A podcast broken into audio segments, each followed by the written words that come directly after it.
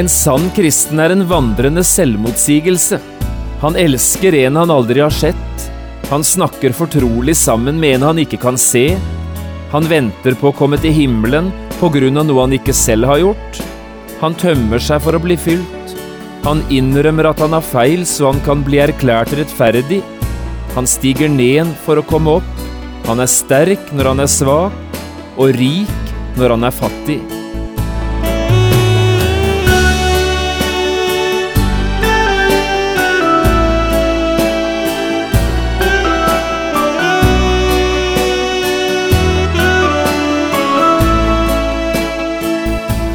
Hjertelig velkommen til et nytt program i serien Vindu mot livet. Programmet er produsert av Kristen Riksradio og blir ledet av Jon Hardang. Kristen Riksradio drives av frivillige gaver. Vi er glade for din støtte.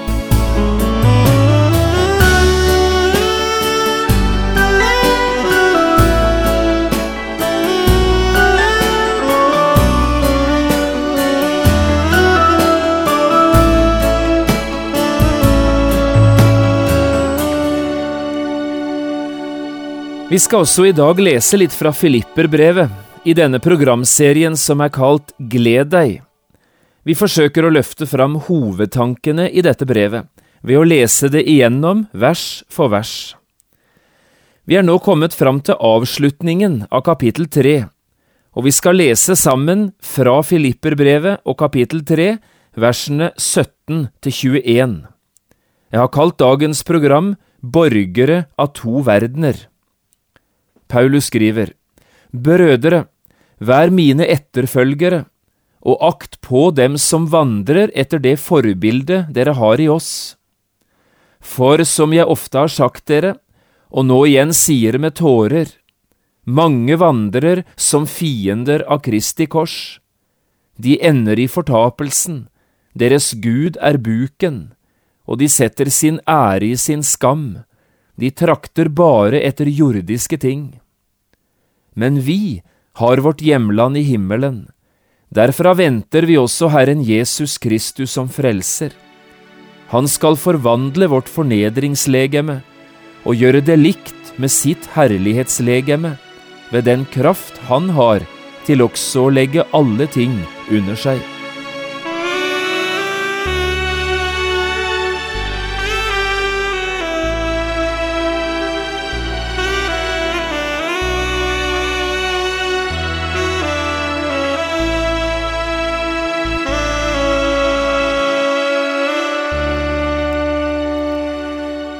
Det er mye spesielt med det å være en kristen. Det gjelder mange forskjellige ting. Men på bakgrunn av det vi nettopp nå har lest her fra Filipperbrevet 3, har jeg lyst til å nevne én bestemt ting. De kristne er borgere av to verdener samtidig. Å være en kristen er altså å måtte forholde seg til disse to verdenene på samme tid. Fordi vi er født på naturlig måte som mennesker inn i denne verden, hører vi altså denne verden til. Vi er norske nordmenn bosatt i Norge, og vi hører til i den verden som her er. Men fordi vi er født på ny, hører vi også til i en usynlig og evig verden. Vi er Guds barn og hører til i Guds folk. Og dette folket, det har sitt borgerskap og sitt hjemland i himmelen. Dette er en nokså unik måte å leve på, sett i forhold til det som er vanlig i verden. Det er en ganske uvanlig, men ikke en umulig måte å leve sitt liv på. Prøv å tenke litt på dette i dag. Du er borger av to verdener samtidig. Du skal forholde deg til livet som norsk statsborger, og du må samtidig forholde deg til livet som en som egentlig ikke hører hjemme her, for du har ditt borgerskap og ditt hjemland i himmelen. Her på jorden er du slik sett bare en utlending. Det er mange som har forsøkt å beskrive hva dette konkret betyr, det å være borger av to verdener. En av dem er forfatteren A.W. Totzer. Han skriver det slik i en av sine bøker. En sann kristen er egentlig en vandrende selvmotsigelse. Han bærer på en uforklarlig kjærlighet til en som han aldri har sett. Han snakker hver dag fortrolig sammen med en som han ikke kan se. Han venter på å komme til himmelen på grunn av noe han ikke selv har gjort. Han tømmer seg for å bli fylt. Han innrømmer at han har feil, slik at han kan bli erklært rettferdig. Han stiger ned for å komme opp. Han er sterk når han er svak, og rik når han er fattig. Og han kan være lykkelig selv når han har det som verst. Han dør så han kan få leve. Han forsaker for å kunne ha. Han gir så han kan få. Han ser det usynlige, hører det ingen har hørt, og forstår ting som overgår all forstand. Jeg syns dette er en fantastisk flott beskrivelse av disse menneskene som altså er borgere av to verdener. Vi betaler skatt på jorden, men har vår egentlige skatt i himmelen. Vi har beina på jorda, men hjertet i himmelen. Det er som Paulus skriver det til de kristne som bor i Filippi, og som altså befinner seg på jorden. Vi har vårt hjemland i himmelen. Hvis dette er sant, det som nå er sagt, at en kristen er borger av to verdener samtidig, så reiser det seg et viktig spørsmål. Hvorfor skal vi da som kristne leve her i verden, når vi egentlig hører hjemme i Guds evige verden? Hvorfor skal en kristen leve på jorden, når han egentlig hører hjemme i himmelen? Det er gitt flere svar på dette spørsmålet. Noen sier vi må være her på jorden i kortere eller lengre tid, slik at vi kan modnes for himmelen, eller bli skikket for å nå himmelen, bedre skikket enn det vi foreløpig nå er. Og når den dagen kommer at vi er fullmodne, så henter Gud oss hjem til seg. Dette har jeg egentlig liten eller ingen tro på. For hva er det som gjør deg og meg til en kristen? Hvordan blir jeg som var en fortapt synder, et frelst menneske? Hvordan kan jeg få tro, slik jeg er, at jeg har evig liv? Ja, det har jo ingenting med meg å gjøre, verken det jeg var, eller det jeg er, eller det jeg eventuelt kommer til å bli. Den eneste grunnen til at du og jeg kan tro oss frelst, slik du og jeg er, det ligger i Jesus.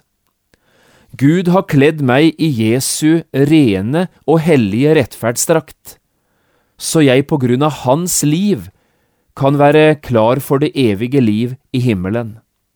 Jeg er allerede skikket for himmelen, mer skikket enn det jeg allerede er i Jesus. Det kommer jeg aldri til å bli, verken nå eller siden. Men hvorfor er jeg da fremdeles i verden? Hvorfor henter ikke Gud meg hjem? Straks han har frelst meg, vil ikke det være det tryggeste og det beste? Nei, det er en annen grunn til at vi skal være her og leve vårt liv med Gud her på jorden. Det er så mange andre som enda ikke er skikket for himmelen. Du er frelst, men det er så mange andre som ikke er det.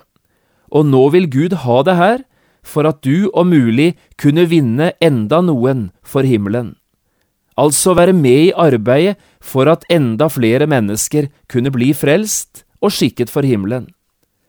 Du er på reise her i verden, på reise mot himmelen, og denne reisen er ikke bare en pilegrimsreise, det er en tjenestereise. Du er her for å tjene Gud og de neste. For din egen del kunne du gjerne ha vært i himmelen allerede, men for de andres del er det godt at du enda er på jorden. Gud kunne nok ha tatt deg hjem til himmelen, slik du er i Jesus, men i stedet velger han altså å bevare deg på jorden, slik at han kan bruke det nettopp her. Det er dette som er hovedsaken, også i det bibelavsnittet vi nå har lest sammen fra Filippebrevet 3. Legg merke til hvor klart dette kommer til uttrykk. På den ene siden beskriver Paulus med sterke og varme ord hvordan de kristne egentlig hører hjemme i himmelen. Vi har vårt hjemland i himmelen, skriver han. Derfra venter vi også Herren Jesus Kristus som frelser. Så skal vi ikke være i tvil om hvor vi egentlig hører hjemme, hvor vårt rette hjem er å finne. Det er i himmelen. Men samtidig sitter altså Paulus i et fengsel i Filippi, og hva gjør han? Hva er han opptatt med? Ikke å klage over den forferdelige behandlingen han har fått i Roma, heller ikke med å drømme seg bort fra denne verden til en annen og lysere tilværelse hjemme hos Gud. Nei, det er helt andre ting enn selvmedlidenhet og drømmerier Paulus her er opptatt med. Hør hva han sier. Som jeg ofte har sagt dere, og nå igjen sier med tårer, mange vandrer som fiender av Kristi kors, de ender i fortapelsen. Det er ikke selvmedlidenhetens tårer som renner her i fengselet i Roma, det er tårer grått i nød for mange av dem som enda ikke er frelst. Dette er hovedsaken for den som er en kristen og en borger av to verdener. Han har sitt egentlige hjemland i himmelen, men skal være her i verden så lenge Gud selv vil det, med tanke på dem som enda ikke er frelst. På denne måten ligner han på Jesus selv. Også han hadde sitt hjemland i himmelen. Men han kom til jorden på tjenestereise for å søke å frelse dem som var fortapt. Jeg vet ikke om dette synet på tilværelsen har nådd inn hos deg. Preger denne måten å tenke på det livet du lever i din hverdag? Og så viktig det er. Etter at alt dette er sagt, vil likevel noen spørre, er ikke dette en risikabel måte å gjøre det på for Gud?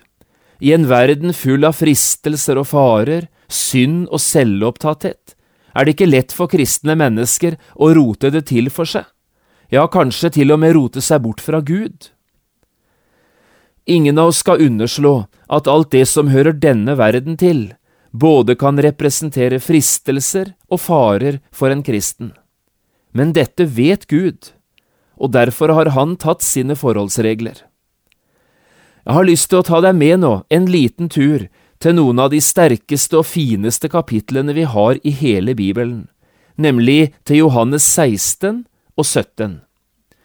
Her møter vi Jesu avskjedstale i kapittel 14 til 16 og Jesu ypperste prestelige bønn i Johannes 17. Og nettopp her møter vi en del forskjellige formuleringer som gir oss Guds strategi når det gjelder å ta vare på sine barn, midt i en vond og vanskelig verden. Det er Jesus selv som taler til oss i det vi nå skal høre. Det er bare timer igjen til korset ute på Golgata skal reises, og vi er kanskje ikke mer enn noen få minutter unna alt det dramatiske som først skulle skje i Getsemane. I det Jesus her sier, har jeg lyst til å understreke tre forskjellige ting ved Guds bevarende nåde. Hør på dette. For det første, Gud vil gi oss en indre fred midt i de mange ytre og vanskelige omgivelsene. Du skal få kjenne en sterk indre fred midt i alt det du kan møte her i verden som er både vondt og smertefullt. Hør hva Jesus sier i Johannes 16. Først vers 1–2. Dette har jeg talt til dere, for at dere ikke skal ta anstøt. De skal utstøte dere av synagogene. Det kommer en tid da hver den som slår dere i hjel, skal tro at han gjør Gud en dyrkelse. Slik begynner kapittelet. Men hør så hvordan det samme kapittelet avsluttes, i vers 33. Dette har jeg talt til dere, for at dere skal ha fred i meg. I verden har dere trengsel, men vær frimodig, jeg har overvunnet verden. Hva betyr dette? Det betyr at du og jeg skal slippe å være redd for alt det smertefulle og vanskelige vi kan møte her i verden. Krefter, mennesker, meninger, trusler og konflikter. Vi skal få av fred i Jesus, Han som er sterkere enn alt og alle i denne verden. Vi får ikke noe løfte om fritak fra det smertefulle, men vi får et løfte om fred og trygghet midt i alt det vanskelige og vonde. Er ikke det noe som er godt å ta med seg i møte med alt som møter deg av vanskelige ting? Du skal få ha fred i Jesus. For det andre, Gud tar oss ikke ut av verden, men han vil bevare oss fra det onde. Vi skal ikke leve isolert her i denne verden, men Gud lover å bevare oss fra det onde. Hør hva Jesus sier når han ber i Johannes 17, i versene 11 til 15. Jeg er ikke lenger i verden, men disse er i verden. Og jeg kommer til deg. Hellige Far, bevar dem i ditt navn, som du har gitt meg, for at de kan være ett, like som vi er ett. Da jeg var hos dem, bevarte jeg dem i ditt navn, som du har gitt meg. Jeg voktet dem, og ingen av dem gikk fortapt, uten fortapelsens sønn, for at Skriften skulle bli oppfylt. Og nå kommer jeg til deg, og dette taler jeg i verden, for at de skal ha min glede fullkommen i seg. Jeg har gitt dem ditt ord, og verden har hatet dem fordi de ikke er av verden, like som jeg ikke er av verden. Jeg ber ikke om at du skal ta dem ut av verden, men at du skal bevare dem fra det onde. For en bønn Jesus ber! og for en trygghet dette gir deg og meg midt i denne verden. I Midtøsten har det ofte skjedd at befolkningen mer enn én gang har tatt på seg gassmasker for å beskytte seg fra eventuelle gassangrep. Og i andre regioner i verden har mennesker måttet bruke komplett beskyttelsesdrakt for å vernes fra eventuell radioaktiv stråling. Det er slik her i verden at i spesielle anledninger trenger mennesker beskyttelse fra farlige ting i sine omgivelser. Og på en måte er det akkurat det samme Jesus ber om her. Far, sier han, bevar dem, beskytt dem fra det onde. De kristne skal ikke ut av verden, de skal leve i verden, men under løfter om Guds beskyttelse. De kristne skal ikke bo i kloster eller i andre avskjermede anstalter, de skal leve og bo midt i verden, ikke for å la seg prege og påvirke, men for selv å prege og påvirke sine omgivelser, ja, vinne sine medvandrere for himmelen. Og så det tredje. De kristne har lov å være ulike, men skal likevel alltid få være ett. De kristne vil aldri oppleve å være enige om alle ting. De skal likevel kunne glede seg over Åndens enhet. Her i Johannes 17, vers 16 og 17 ber Jesus. De er ikke av verden, like som jeg ikke er av verden. Hellige dem i sannheten, ditt ord er sannhet. Og så fortsetter han i vers 20. Jeg ber ikke bare for disse, men også for dem som ved deres ord kommer til tro på meg at de alle må være ett, like som du, Far, i meg og jeg i deg, at også de må være ett i oss, for at verden skal tro at du har utsendt meg. Her har du det igjen, målet for ditt og mitt liv som kristen i verden, for at verden skal tro at du har utsendt meg, sier Jesus. Menneskene rundt oss, de må få se Jesus, hvem han er, og hvorfor han kom, så de kan bli frelst. Og hvordan kan verden så få se Jesus? Jo, det skjer gjennom det liv og den tjeneste vi utfører, vi som ikke alltid er enige, men som er ett i Jesus. Vi vil stå sammen om dette ene og forkynne evangeliet. Enhet, men ikke enighet. Fellesskap, men ikke uniformering enhet og fellesskap for Jesus skyld og for evangeliets skyld. Men hvordan skal vi så nå dette store målet for vårt liv, som Gud har satt for oss her i verden, at mennesker omkring oss kan bli frelst? Ja, dette skal vi si en eneste ting om i slutten av dagens program, og det samme spørsmålet skal være hovedspørsmålet i det neste programmet. Vi går tilbake til Filippebrevet 3.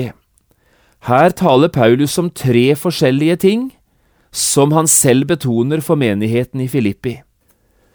Og de samme tre tingene skal vi prøve å understreke her. Vi nevner bare den første hovedsaken til slutt i dag. Vi trenger gode forbilder, sier Paulus. Det er dette han setter ord på i begynnelsen av bibelavsnittet vi nå leste sammen. Brødre, sier han i vers 17. Det er altså de kristne dette gjelder. Brødre, vær mine etterfølgere, og akt på dem som vandrer etter det forbildet dere har i oss. Målet for en kristen er klart, at de må bli frelst, og ordren er uforandret og tydelig, gå ut i all verden. En av de tingene som da kan hjelpe oss på veien, det er gode forbilder. Vi er ikke upåvirkelige som kristne, men det er ikke alt vi skal la oss påvirke av. Det meste av det som påvirker oss fra denne verden, det drar oss bare lenger bort fra Gud. Men det finnes én påvirkning som er god. Det er påvirkningen fra gode forbilder. Det er den innflytelsen Eh, de gode forbildene kan ha på oss. Det er den Paulus skriver om her. Noen av disse forbildene hører til i tidligere tider. De ligger gjemt i den store arven som er gitt oss i Bibelen og i historien.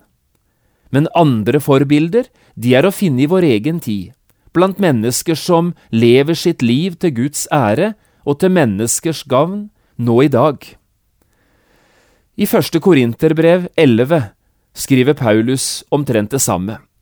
Bli mine etterfølgere, like som jeg etterfølger Kristus. Kan noen av oss være i tvil om at dette er gode forbilder?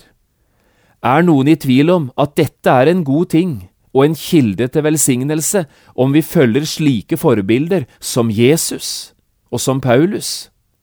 Vi skal ikke tilbe alle våre forbilder, men vi skal etterfølge dem. Det var noen før oss som i sitt liv og i sine ord har vist oss den rette veien. Og det er noen også i dag som viser oss den samme gode veien gjennom livet. Etterfølg disse gode forbildene. Og kanskje du også selv skulle prøve å være et forbilde for dem du omgås, enten det nå gjelder dine barn eller din øvrige familie dine venner eller dine naboer. Vær et forbilde for andre. Det kan få evighetsbetydning for noen av dem.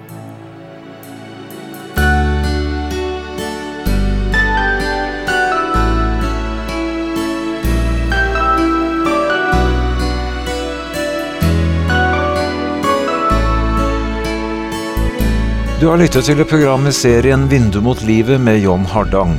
Programmene i denne serien kan også kjøpes på CD fra Kristen Riksradio, eller høres på internett på p7.no.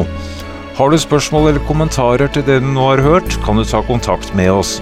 Adressen er Kristen Riksradio, Skiene 2, 5353 Straume. Eller send en e-post vml alfakrøll p7.no. Takk for i dag, og på gjenhør.